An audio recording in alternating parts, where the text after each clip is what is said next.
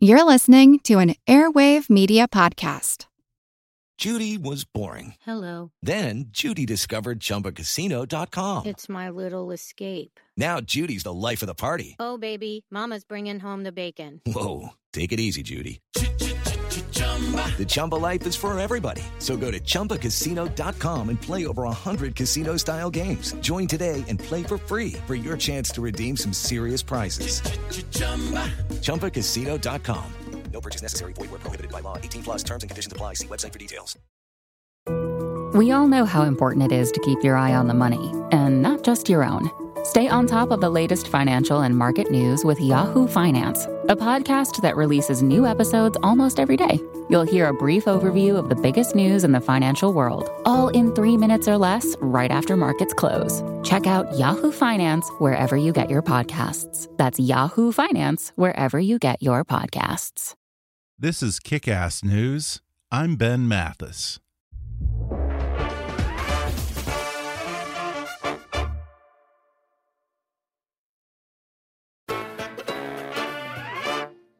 Hi, I'm Ben Mathis. Welcome to Kick Ass News.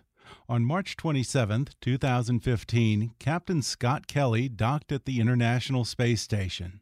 That trip wasn't his first mission to the ISS, but it would be his longest and most trying assignment, lasting a record setting 340 days in an environment that is utterly hostile to human life.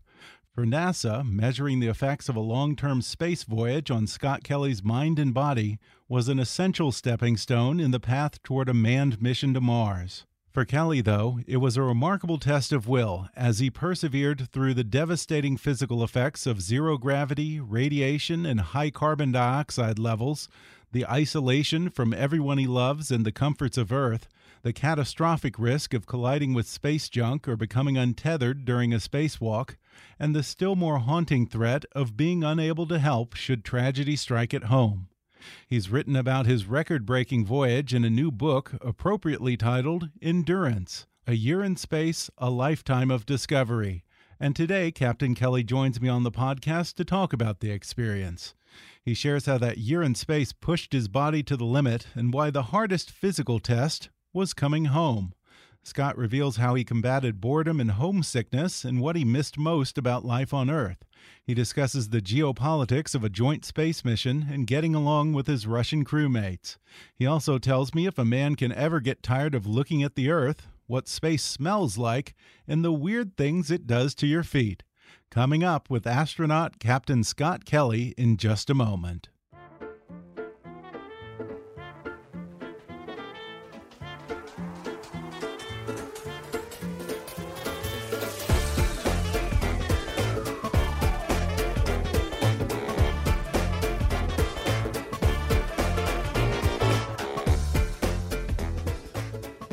Kelly is a former military fighter pilot and test pilot, an engineer, a retired astronaut, and a retired U.S. Navy captain. A veteran of four space flights, Kelly commanded the International Space Station on three separate expeditions, including a year long mission to the space station. Now that he's back on terra firma, Captain Kelly has written a fascinating account of his experience up there titled Endurance A Year in Space, A Lifetime of Discovery. Scott, thanks for coming on the podcast. Well, thanks for having me. Appreciate it. Well, I really enjoyed the book. And I have to say, I was a little bit surprised to read in it that you originally didn't want to do any missions to the space station because you said, to use your words, you didn't want to get the space station stink on you. Was there a time when the International Space Station was considered a dead end for an astronaut? Well, you know, when I was uh, when I became an astronaut, the space station didn't exist, and uh, we were flying the space shuttle. Um, at one point, we started building the space station, and you know, I think a lot of people in the early days, at least of the of the space station, when they got assigned to those flights, they kind of felt like they were missing out on a on a shuttle mission, especially once the retirement date was set. So, you know, it was uh, you know, it's it's true what I said, but it, it, was also said kind of in jest. Yeah, and one of the key reasons that you were chosen for this mission is, I guess, because you have a twin brother named Mark, who is also an accomplished astronaut. And I guess this would allow NASA to compare the control Kelly on the ground with the uh, experiment Kelly up in the space station. Uh, how was it decided which one of you would actually go up to the space station for a year? So I was assigned to this flight, and then uh, once I was assigned to the mission, um, due to a question that I asked about genetic based research, I asked if NASA was interested in doing anything like that. Really, to get me, I was I was getting prepared for a uh, press conference, and uh, you know they initially said no, but would you be interested? So the scientists went back, talked about it, and decided there was merit in this idea of this genetic based, based research. But it was a serendipitous thing. I was assigned to the flight, and then later we started talking about the fact that I have a twin brother who is also an astronaut. Uh, would this be a, uh, a good idea as an experiment? Now, my brother had already retired from NASA, so there was no real decision like who would be the control and who would be the you know the test subject in space. I see. Now, did you ever wish that you were the Kelly who got to stay on Earth and eat Doritos on the couch? No, no, I uh, I didn't wish that. I think I had the uh, the good, the better job in the in the yeah. deal. You say in the book that you almost missed out on the mission because I guess NASA had concerns because what you had had prostate surgery and some vision problems on the last mission. Is that well, right?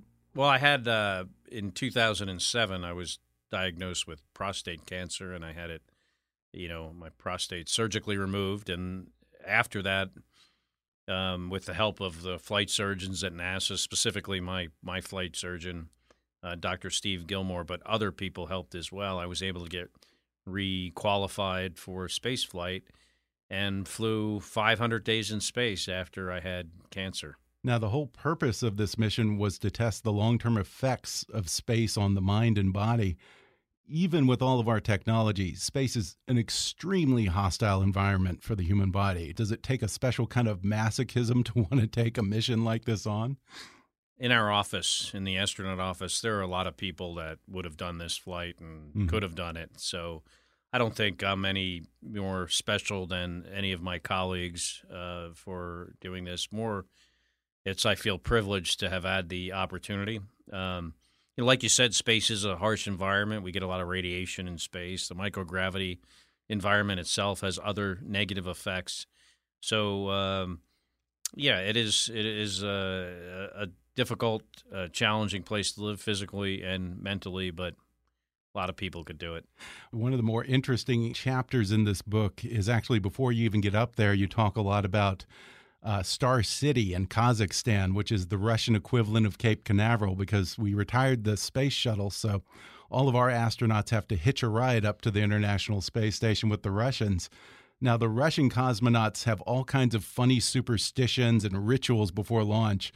I was amused particularly by this strange tradition where the Russian cosmonauts apparently stop on their way to the launch pad and urinate on the back tire of the bus, even the female astronauts. And did you ever get an explanation of the origins of that tradition?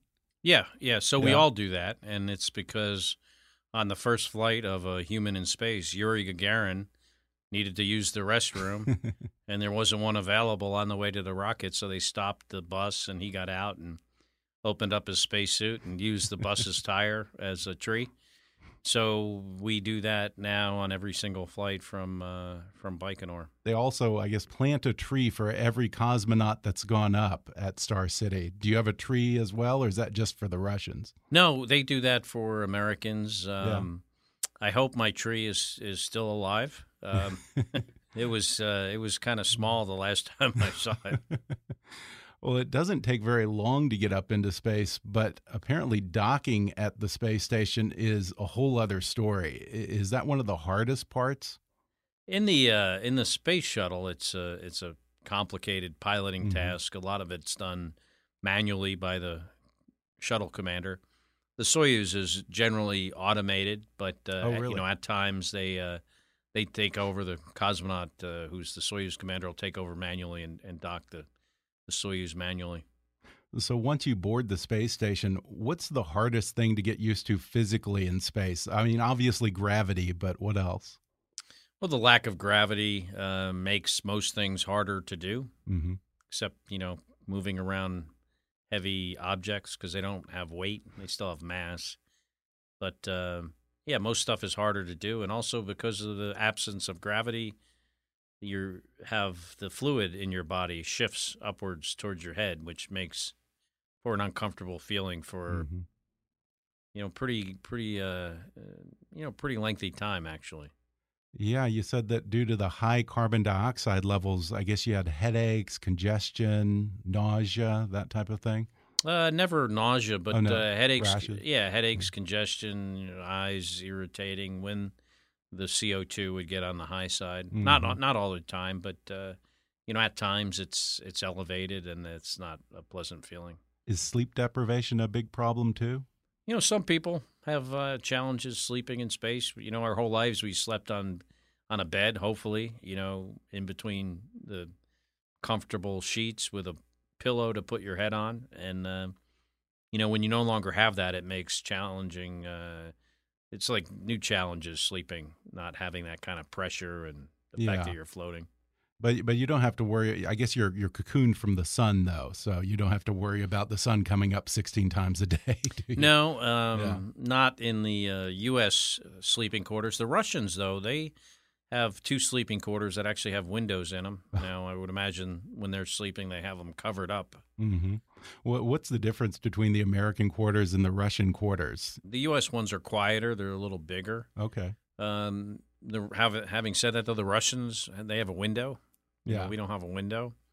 I think their ventilation is a little bit better, but Really? uh, yeah, Huh. There's they have a big vent on the ceiling that's more like a a giant uh, faucet. It Yeah. just blows air down on you. I think of Russia. I think of you know tanks, you know, just rotting away in in a yard somewhere and that type of thing. I don't think of them as, as having better technology than us usually. oh, I didn't say it was better. Oh, okay.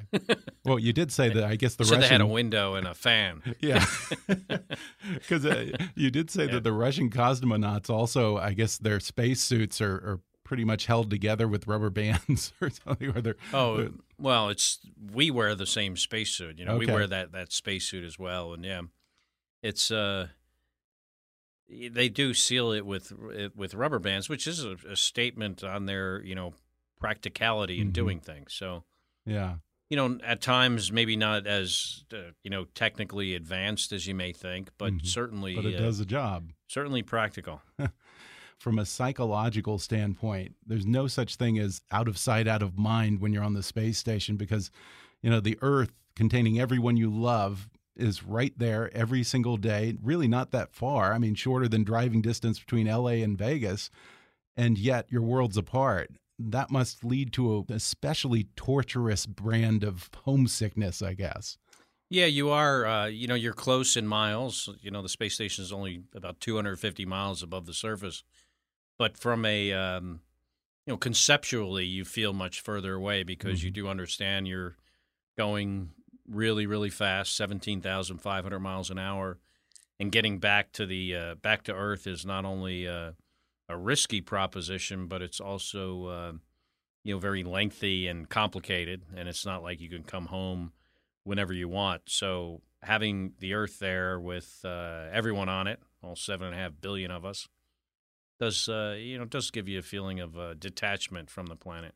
It must seem to some extent like kind of life goes on on Earth. And do you did you feel like you were getting left behind at times? You know, we we have uh, the ability to stay connected to the planet pretty Mhm. well with email and phone calls. Um, we have a phone we can use basically, you know, anytime we have a connection, which is about you know forty five minutes to of every hour. We have the ability to do video conferences. Mhm. So I, w- I would never say, you know, I, I really felt like, you know, life was continuing on Earth without me. No, I, I never Yeah. felt that way. I felt, you know, fairly connected to my friends and family. Um, Mm-hmm. You know, at the same time, you are detached from a planet that has uh, mostly bad news emanating from it. I guess you don't have too much distraction. It's not like you can go out and have a beer or anything. Did you ever feel kind of the opposite of that, like you were bugging people on Earth too much, your relatives? the only time I ever felt that way was was uh, you know after my sister in law was shot and Mm. I Gabby uh, Congresswoman Gabrielle Giffords was shot and I spent a lot of time trying to support my brother and call him and see how he was doing and I think after a few weeks I felt like maybe it was more he was supporting me in space than I was Yeah. supporting him. So I kind of laid off a little bit. You know, speaking of homesickness, do you miss just the simple things like the basic physics of Earth life? You know, being able to sit down, being able to not have your dinner floating away. and stuff yeah, like absolutely. I mean, I I miss uh, missed sitting at a table with uh, utensils and uh, gravity assisting in uh, in the whole activity more than I did miss any kind of particular food, Mhm. as an example. So Really? yeah, you do uh, you do miss uh, earthly uh, things like that, like eating at a table. Yeah, and when you're going through all that, did you ever feel, I guess, like maybe the guys on the ground at Mission Control didn't have your back, or like they didn't have quite enough empathy for all that you were going through for them? Well, you know, first of all, it's a it's a pretty hardcore place, right? Yeah. You're uh, in this risky environment with radiation and microgravity causes some negative effects on our our physiology. There's, like you mentioned earlier, the uh, carbon dioxide that sometimes gets high. You know, I think it's kind of human nature in difficult situations to sometimes feel sorry for yourself and, you know, try to blame, um, you know, whether it's a uh, organization or people or whatever. And you know, there were times I felt like, um, you know, maybe the the ground wasn't really listening to me as much as they should Yeah. have with things like the carbon dioxide. But you know, in in hindsight, and when you go back and you know consider um, the challenges that that they have, you know, they they don't only have to worry about the guys on the space station now. They have to worry about this program over the course of years. Mhm. So there are uh, you know complexities and challenges that are a result of you know having to maintain this hardware operating for longer periods of time than I would even seem uh, that I would even consider or think that's that's important to me. During your year in space, at any point did you use the phrase, well, why don't you guys come up here and do this? No, I never No? I never said that. And I always felt like it was a privilege to be there. So, Yeah. You know, on one hand, you know, you know, might not feel good on certain days. Uh, on the other, it's it was a privilege. And I tell those stories not to point fingers at people, but I just wanted this book to be something that when when someone read it, they could say, "Wow, you know, I really felt like I was in space with him." Mhm. Um, I feel like I understand the program better, the challenges, the goods and the others. You know, not everything's always great, and I think to have a balanced uh, story, you have to touch on you know all aspects of it. And among the hard times that you had to deal with, at one point, I think three resupply missions got canceled, including two vessels that exploded. Were you at any point getting concerned that your resources on board were starting to dwindle? Yeah. So when we got up there, we had lost one previous to our launch uh, in the year prior. So that was that the first was the failure. SpaceX one. That was the no? orbital. Oh, uh, okay. that failed right after liftoff, Mhm. um, and then we had SpaceX, and we also had a Russian uh, Progress resupply craft that both of those didn't make it while we were on board, while I was there with uh, you know my astronaut colleagues, and we were starting to get concerned about supplies. Uh, had we lost the next resupply spacecraft, we would have been in some Mhm. more serious issues, but fortunately it made it and we were okay. Okay, so you had stockpiles to to hold you through it, huh? Yeah, and NASA plans for that. I mean, that's part of our, our, our planning process is to plan for failure and then have uh, you know redundancy to, to, to carry us forward. What about the dynamic among your crewmates? Do you have the typical roommate problems like someone eating your food or not doing their share of the chores? You can. I mean, I was lucky in that my, um, you know, my fellow crew members on all my flights, I always got along with great. You know, very professional and uh, and great people, and really a privilege to fly with them. But you know, at times when you're in any kind of closed environment with people, you know, I'm sure I irritated my fellow crew members as well. So there are those kind of things that happen, but uh, you know, we we figure out how to move past them and. Well, because you're also dependent on each other. Oh, You- You, talk about having to cut each other's hair, and Yeah. apparently even you did dental work on each other. Yeah, I never I've never cut hair in space because you know I don't need mine cut. So Right, right. There's I- no reciprocity. yeah, that would But- be a real crappy job to have to give haircuts when you don't have hair. Yeah.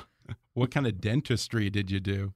I had one of my my fellow crewmates, one of his teeth fell out, so we had to glue it back in onto a post. when you're sharing close quarters with the Russian counterparts at a time when the U.S. Russian relationship was particularly tense, did you guys ever talk about politics or did events between Obama and Putin ever create friction? Never friction. Mm-hmm. Uh, occasionally we would talk about our country's relationships, but in this kind of a detached way, almost like you know the, the American astronauts and the cosmonauts were talking about the relationship between you know China and France. Mhm. I mean, it, we didn't really have a personal um, stake in this conversation. Um, and we wouldn't really dwell on it for a long period of time because what's important to us is our ability to work together, our our cooperation, our ability to take care of one, an- one another, our ability to, uh, you know, we're we're we're putting our lives in, in our own hands in space, and that was much more than any any Yeah. politics. I I read that you do have concerns that Putin could retaliate for U.S. sanctions by cutting off NASA's access to the Russian space program. If he did that, I suppose it would sort of be like holding the space station hostage because we have no way of getting up there right now, right?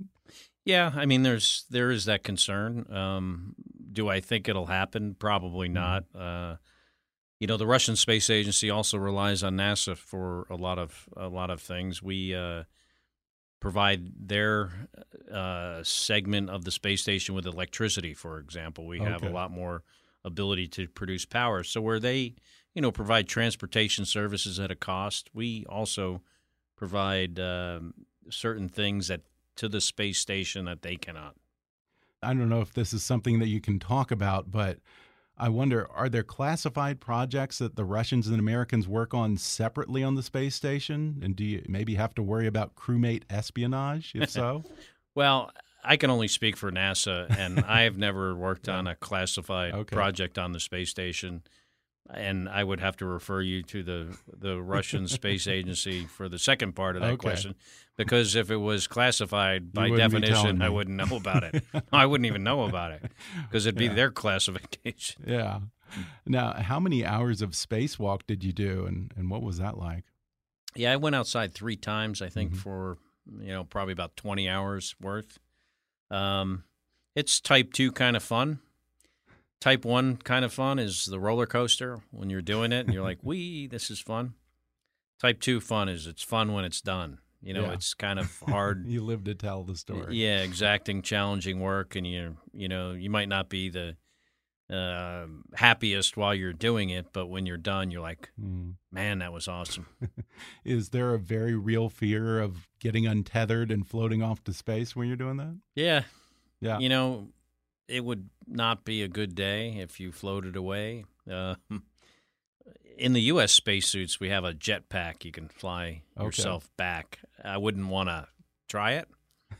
um, depending how quickly and how f- fast you're moving away, it can be a challenge even in training to get back. But yeah, we're we're concerned with us floating away with our tools or the hardware you're Mhm. working on. So everything always has to be tethered, and it's very uh, exacting. Yeah, you don't want to create any more space debris. No. we have enough already. Is that a big concern when you're up there? There's a I lot mean, of getting hit with space debris. the space station. I Yeah, mean. the space station gets hit all the time. Really? Um, you know, fortunately, we have good uh, debris shielding, so we've never had anything penetrate the hull. Mhm. But it's possible. We're going to take a quick break, and then I'll be back with more with Captain Scott Kelly when we come back in just a moment.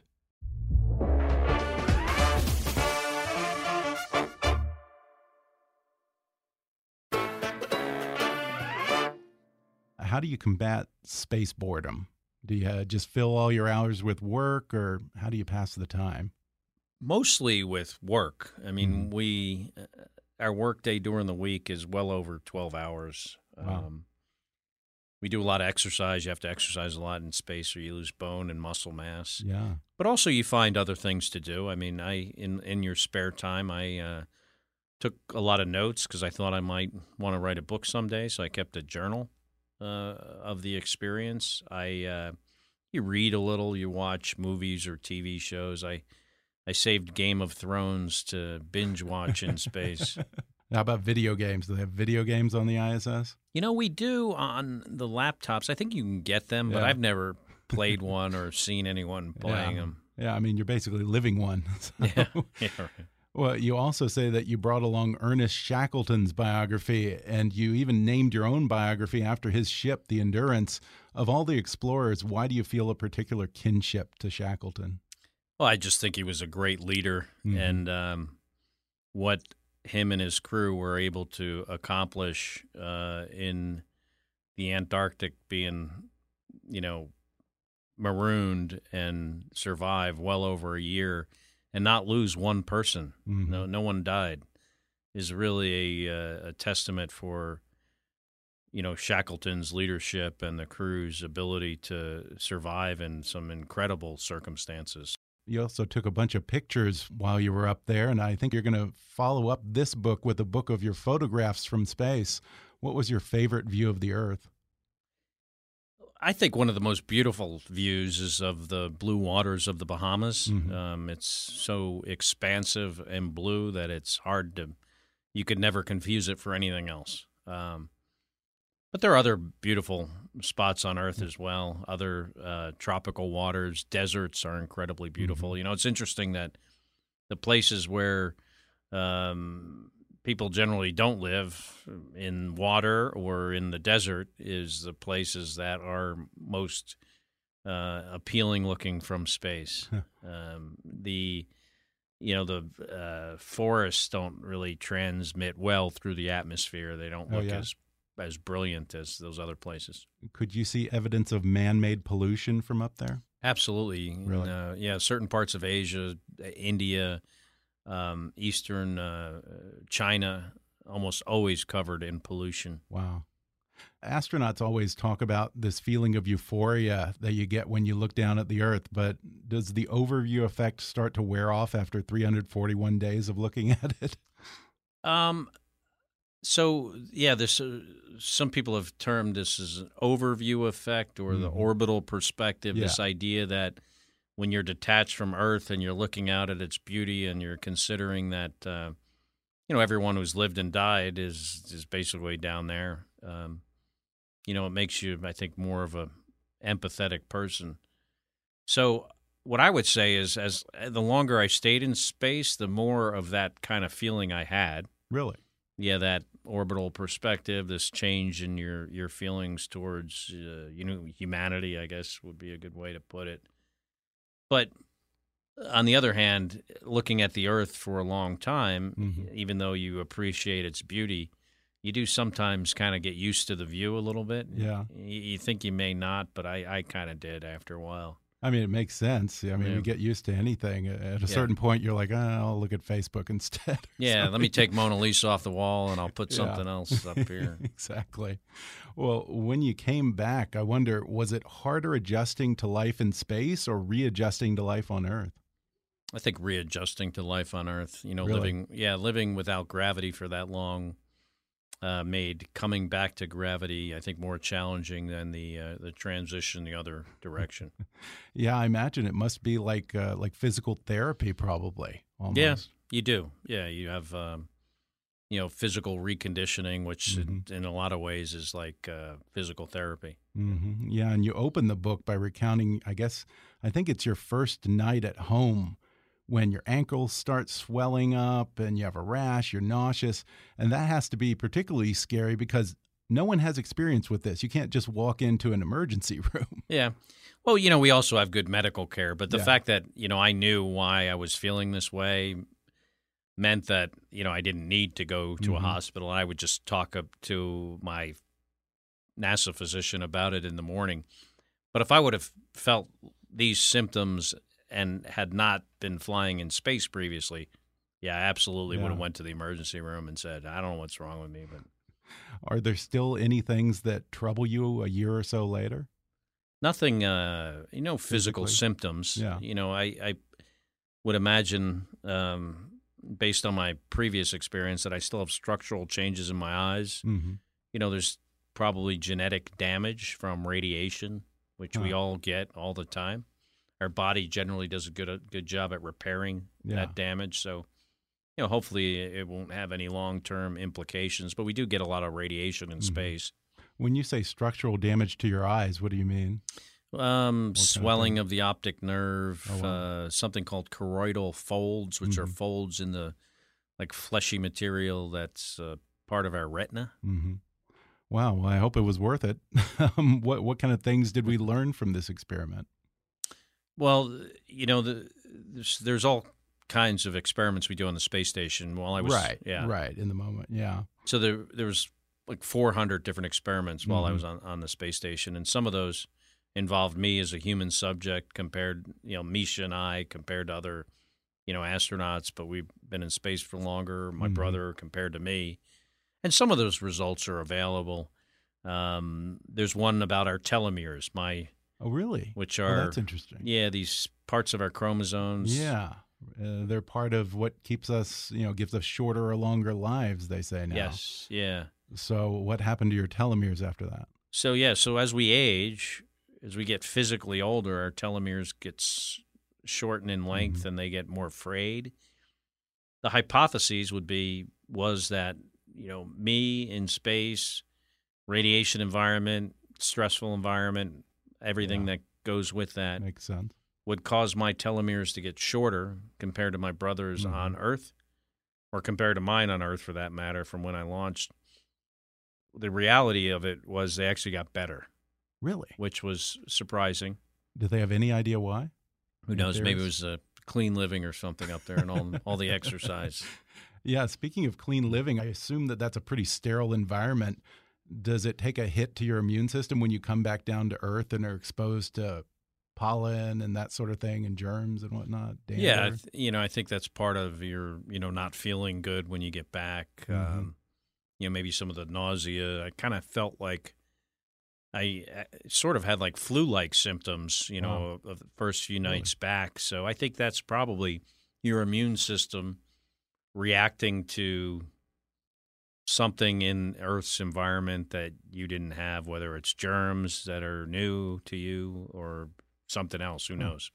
Are there things that were accomplished or learned during that year, particularly with the experiments on you and your body, that have direct applications to getting us to Mars? Well, that's the idea, and Yeah. uh, and I would imagine so. Um, we have this issue with our vision that is potentially a problem. You know, you Hmm. don't want astronauts going on a long mission and having blind spots when they arrive on you know wherever they're going. So, you know, I hope some of those results and some of the other experiments will help Mhm. future uh, long duration space travelers. But the way science works is, you know, it's a long process. I I think they're still in the in the uh, analyzing the data phase, and generally with uh, like human research experiments that NASA does, the results aren't published until years later. hmm So I think we're still in the in the early phases of this. Somewhere I read that when we do send people to Mars, you said you bet that it'll be a crew of old people. Why is that? Well, away f- when you get out of the magnetic field of the Earth, you get exposed to a lot more radiation. hmm and uh, we get a lot of radiation in space now, but away from the Earth, it gets it becomes even a bigger problem. And I was just joking because you know if you're older, you can your radiation limit. This part isn't a joke. Your radiation limit is higher the older you get because you have less time to develop a fatal cancer as a result of that mm-hmm. radiation. Okay, So makes sense. you know if you're going to get a lot of radiation and you're older, you can you're better at dealing with it because you don't have as much time for it to become a problem. Yeah. Funding runs out for the space station in 2024. Uh, what do you think should happen to it then? I I hope they extend the the funding to it Mhm. and um, you know allow NASA to use it as a uh, a laboratory and a and a place to continue to, to do research until we get to the point where we're going somewhere else. hmm Whether that's the moon or Mars, um, I don't know what that will be, but I do think we need a uh, a destination and and and and goals and we have to continue to fly people into space because we don't want to lose that expertise. It's too valuable. and you talk about your youth and how you were inspired by reading the book uh, The Right Stuff. But you say that you weren't a great student growing up, and yet you went on to accomplish some pretty amazing things.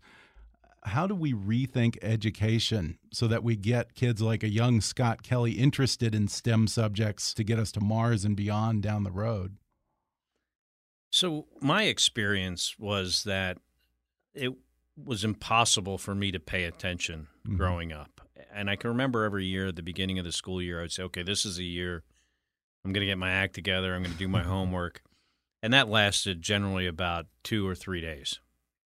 And then it was back to my normal um, uh, state of looking out the window or just looking at the clock, hoping that I could will it to run faster and not being able to pay attention and I truly felt like it was impossible for me. Like if someone had a, held a gun to my head, I wouldn't have been able to do my homework mm-hmm. or pay attention to what the teacher was saying. And it wasn't until I found something that I really, really wanted to do. I wanted to do it so much it, it required me to fix that attention problem at least enough to where I could become a better student and learn. And it's you know thinking back on it, I'm I'm um, I'm kind of surprised, really, how it worked out because, you know, I read a book. I decided, okay, I'm going to do this. It wasn't the easiest thing. It was probably one of the hardest things I've done. Is teach myself how to pay attention. You know, I came from a pretty significant deficit when when I started college, and to just catch up and eventually mm-hmm. become an engineering major.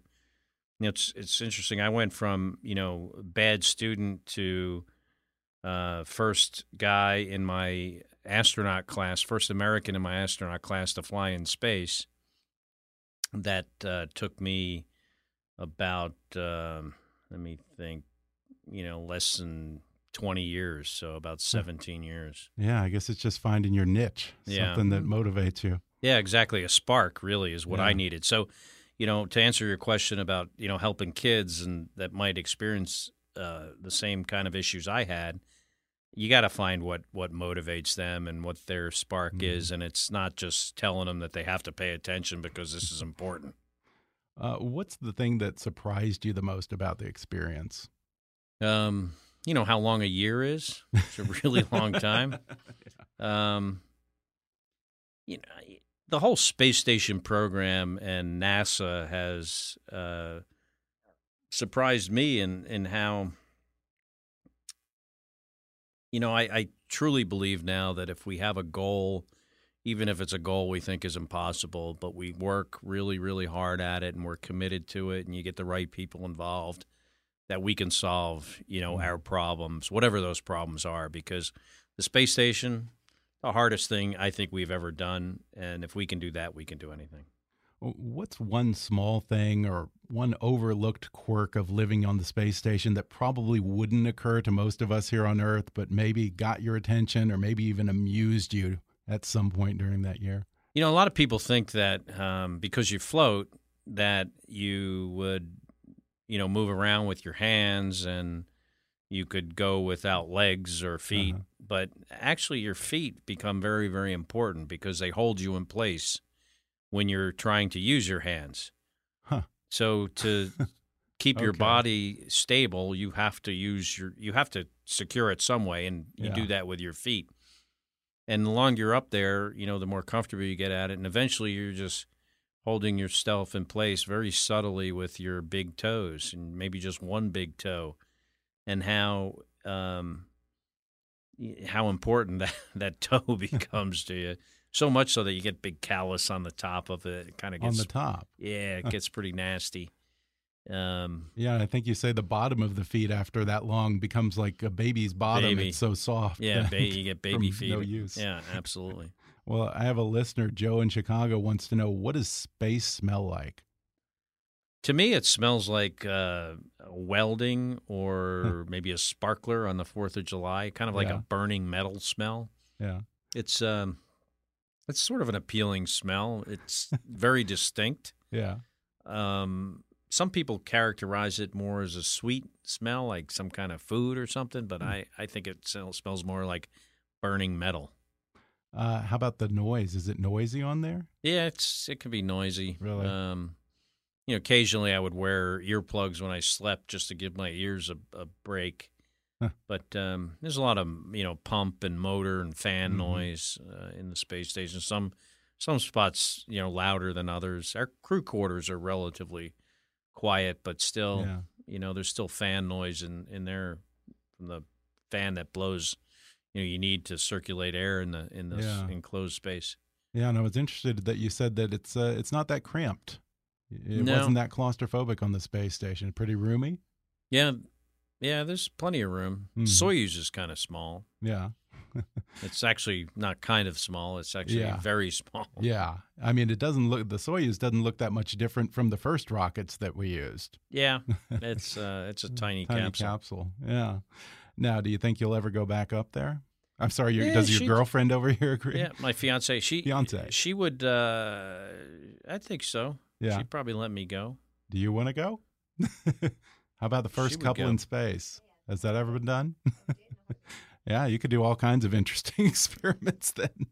Well, I thoroughly enjoyed the book. Once more, it's called Endurance A Year in Space, A Lifetime of Discovery. Captain Scott Kelly, thanks for joining me. Oh, my pleasure. Thanks for having me. Thanks again to Captain Kelly for joining me on the podcast. Order his book, Endurance A Year in Space, A Lifetime of Discovery on Amazon, or download the audiobook at audible.com. Keep up with Scott at scottkelly.com and follow him on Twitter at, at stationcdrkelly. Also, if you haven't already, be sure to subscribe to Kickass News on Apple Podcasts and rate and review us while you're there. And please take a moment to take our listener survey at podsurvey.com/kick so we can get to know who's listening and it's also helpful with our advertisers. Like us on Facebook and follow us on Twitter at, at kickassnewspod. And as always, I welcome your comments, questions, and suggestions at comments at kickassnews.com. For now, though, I'm Ben Mathis, and thanks for listening to Kick Ass News.